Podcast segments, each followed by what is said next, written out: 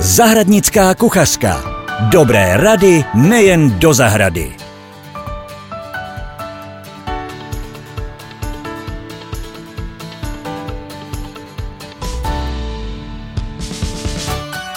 Hezký den, milí posluchači zahradnické kuchařky.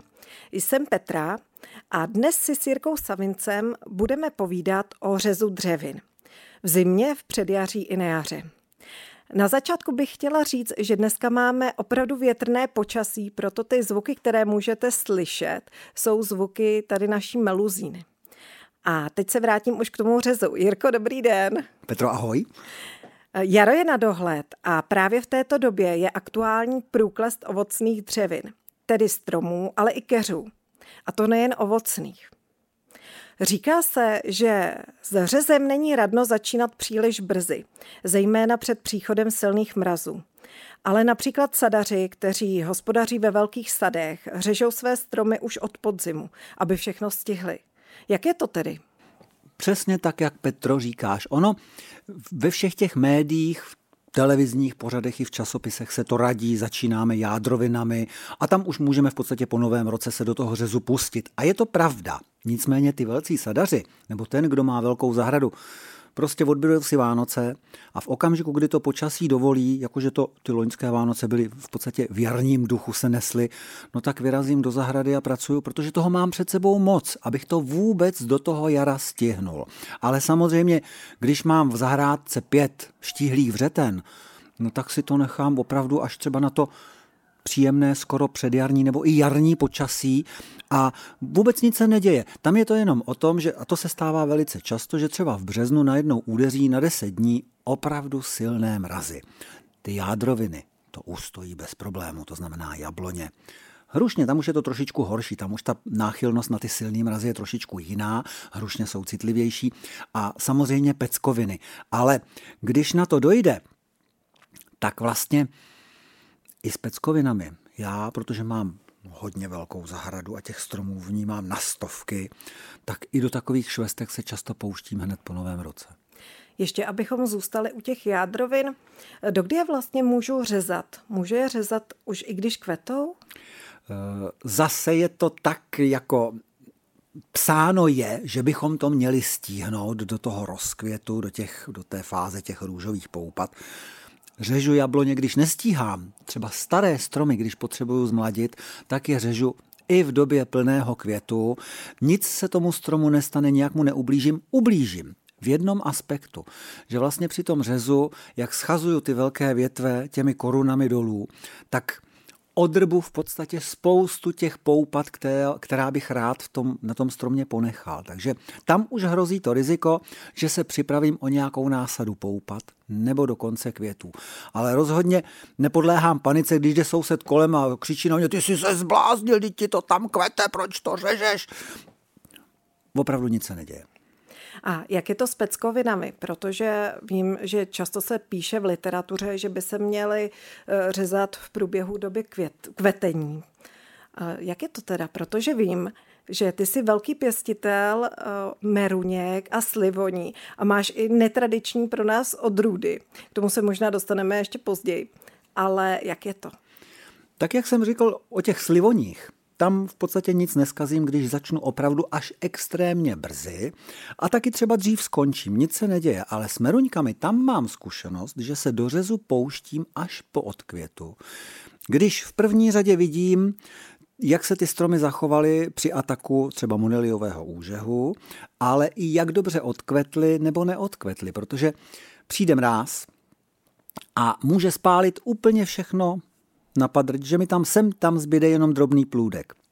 A pak já musím zvažovat. Chci na té meruňce mít alespoň pár plodů pro sebe, aby bylo na knedlíky domů, pro rodinu. A nebo, když je opravdu veliká úroda, tak a vím, že už ta úroda přežije, tak pak ty stromy ořežu velice hluboko, v podstatě je zmladím, dalo by se říct. Takže já tím, že řežu až takhle pozdě po odkvětu, kdy ty plůdky dosahují velikosti hrášku, tak už si reguluju násadu ovoce. Takže když vím, že mě meruňky pomrzly a je jich jenom sem tam málo pár, a ty meruňky bych rád měl až do té doby zralosti, tak radši řežu méně A nebo v obráceně to udělám, když mi jedna odrůda zaplodí opravdu extrémně hodně, tak vím, že ji můžu hluboko sesadit, zmladit a tu, kterou v podstatě, která mi pomrzla, a nepotřebuju ty plody, vím, že mám náhradu někde jinde, tak ji seřežu taky hluboko. To znamená, využiju toho vlastně ve svůj prospěch v každém případě, ať už ta úroda je, nebo ta úroda není. A tady je potřeba, aby si každý zvlášť zvážil, co vlastně upřednostní. Pěkný vzhled koruny, krásná kotlovitá koruna u té meruňky, zapěstěná, protože všichni víme, že kvalitní ovoce vždycky zraje na těch mladších větvích, ne na tom starém dřevu. Takže seřezat hluboko nebo neřezat skoro vůbec za cenu, že tam budu mít aspoň pár plodů. To jsou meruňky a moje zkušenost. A to je moje další otázka.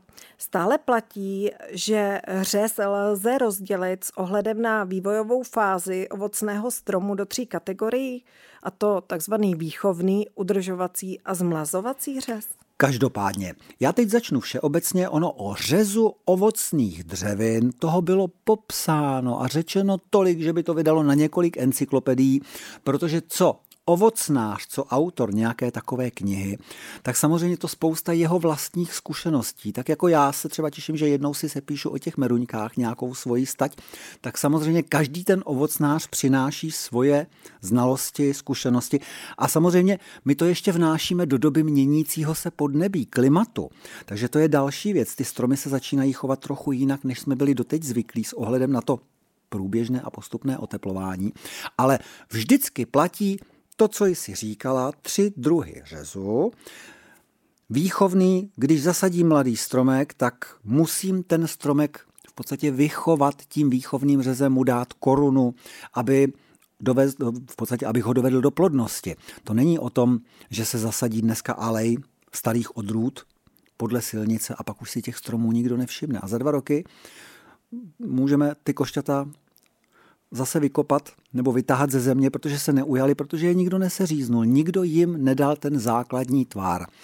Udržovací, tak to je jasný. To je v podstatě to, co vlastně provádíme řadu let, abychom ten strom udrželi v dobré kondici, v dobré plodnosti, aby nám tu úrodu nesl nějaký čas, než ho dovedeme v podstatě do té fáze stáří, i když samozřejmě my už dnes nepěstujeme ty veliké stromy, ty vysokokmeny, jako to dělali naši dětkové, pradětkové. Dneska je prostě doba, kdy ten strom v zahrádce máme třeba i na 15 let a díl se s ním ani nepočítá. Takže to je ten zmlazovací řec, který připadá v úvahu u těch opravdu starých stromů, kdy je třeba chceme ještě vrátit zpátky do hry. Zdědili jsme zahradu, v ní je několik letitých jabloní a hrušní a je nám líto to všechno pokácet. To znamená, ten zmlazovací řez tam přichází ke slovu, ale samozřejmě může přijít ke slovu i u daleko mladších stromů, ne až tak starých, ne 50 letých, jako to jsou ty staré vysokokmeny, ale můžeme samozřejmě tím zpětným řezem, tím sesazováním zmlazovat korunu i u stromů výrazně mladších. Jirko, jaké jsou ty hlavní zásady řezu? Teď myslím ty všeobecné, jak postupovat. Tak v první řadě musím mít kvalitní nářadí. Ostrý kvalitní nářadí. To je jedno, jestli to bude nůž, nůžky nebo pilka. Plus to další, co souvisí s nějakou finální hygienou. A pak je to teda ta samotná technika. A tam v podstatě zase bylo toho popsáno mnoho, jak odřezávat větev boční nebo větev hlavní, a naopak, od větve hlavní tu boční vždycky platí zásada řezu na větevní kroužek. To je taková věc, která se špatně popisuje. My bychom si tady teď museli trošku kreslit a malovat, ale v podstatě je to o tom, ať už řežeme cokoliv, neměli bychom na té větvi nechávat, já tomu říkám věšáky, ty zbytečné části, které vyčnívají z, toho, z té uříznuté větve, a nebo naopak nesmíme zařezávat anebo naopak nesmíme zařezávat příliš hluboko, nesmíme ty řezy vést šikmo, příliš šikmo. Takže řez na větevní kroužek je asi to nejdůležitější, na co bychom měli dbát. A samozřejmě pak následuje nějaká hygiena po skončení každého řezu u toho ovocného stromu, ale k tomu se dostaneme asi za chviličku. Zahradnická kuchařka. Dobré rady nejen do zahrady. A teď tu mám pár termínů. Ty už si nám jeden sdělil a to byl právě ten větevní kroužek. Ale co takový vlk? Teďko nemyslím toho velkého vlka, kterého známe z divočiny, ale vlk, který často vidíme třeba u jabloní. Eh, on je to takový trošku nesprávný výraz. To, tomu říkali už ty naše babičky a dědové, že jsou to vlky, ne vlci, ale vlky. A jsou to vlastně ty rovně rostoucí jednoleté výhony, které zahušťují korunu. Tam je samozřejmě pravidlo, že ty vlky eh, vyřezáváme mezi prvními, právě protože zahušťují korunu. Ale když vezmeme ty správné zásahy řezu, tak úplně nejdůležitější v první řadě vyřezat všechny větve suché z koruny, zjevně napadené nějakou chorobou, nemocí nebo výrazně poškozený nějakým škůdcem. Prostě to musí z té koruny ven, ať se děje, co se děje.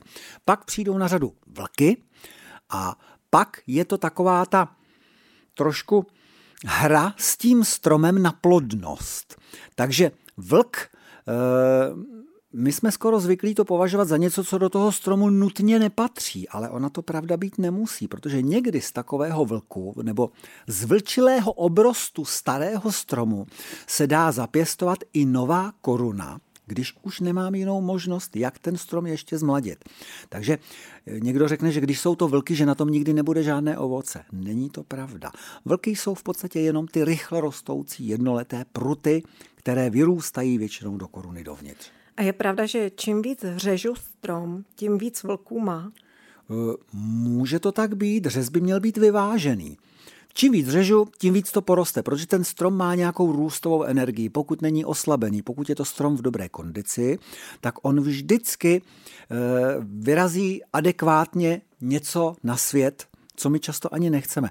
Když se říká, roste to jako vrba, to třeba dělají broskvoně, že jo? Když tu broskvoň ořežeme příliš, navíc broskvoň se může řezat několikrát za tu sezónu, tak když to vezmeme hodně hluboko, tak musíme počítat s tím, že ona skutečně jako vrba obrazí a my pak budeme mít velký problém se s těmi silnými jednoletými výhony v tom dalším řezu poprat. A můžu je řezat už v průběhu léta? Určitě. Jo. Určitě. Můžeš zakracovat. Zase je to o tom, že i na tom vlku, nebo z toho vlku si můžu zapěstovat nový obrost, když mi třeba sebere nějaká nemoc z toho stromu třeba jednu větev, dokonce kosterní větev, tak v okamžiku, kdy mi někde na tom kmeni vyrazí vlk, tak já si z toho vlku dokážu tím šikovným postupným řezem, to ne, není otázka jedné sezóny, ale třeba dvou až tří, dopěstovat vlastně nové rameno té koruny. A teď se vrátím k plodnosti. Jaké dřevo je v koruně ovocného stromu to nejplodnější, respektive které nám přinese nejkvalitnější úrodu? tak já myslím, že to je obecně známá věc. To nejlepší ovoce vždycky dozrává v první řadě tam úplně nejvýš, protože tam je nejvíc sluníčka, nejvíc vzduchu, tam nedosáhneme, proto to řežeme dolů, ale Především nejlepší ovoce je na tom mladém dřevu. Jakmile nám to dřevo zestárne, začne nám třeba začnou se ty větve rozklesávat, převysat, tak oni mají tendenci často i přeplozovat, ale jsou to ty spousty drobného ovoce a to platí obecně pro jádroviny, ale i pro peckoviny.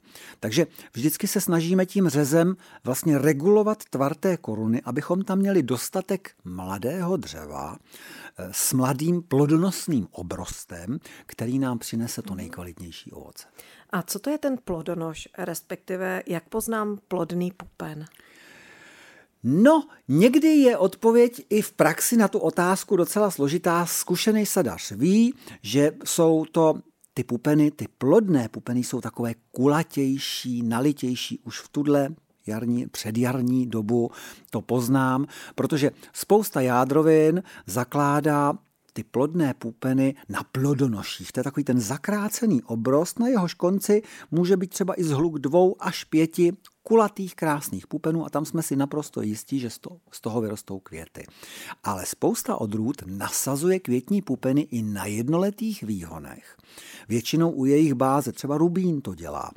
A tam to zase poznám podle toho, že ty pupeny jsou takové větší. Ty ostatní, které vlastně vyrazí jenom listovou částí, tak ty tak výrazné nejsou. Takže vždycky platí zásada ponechat si maximum těch plodných pupenů v koruně toho stromu. Jinak je tomu třeba u peckovin, to možná Petro víš, říkali to zase naši dědové, eh, tomu plodonosnému obrostu, matičky tomu třeba říkali dědové u nás tam ve východních Čechách. Hlavně neodrbejte z toho stromu matičky.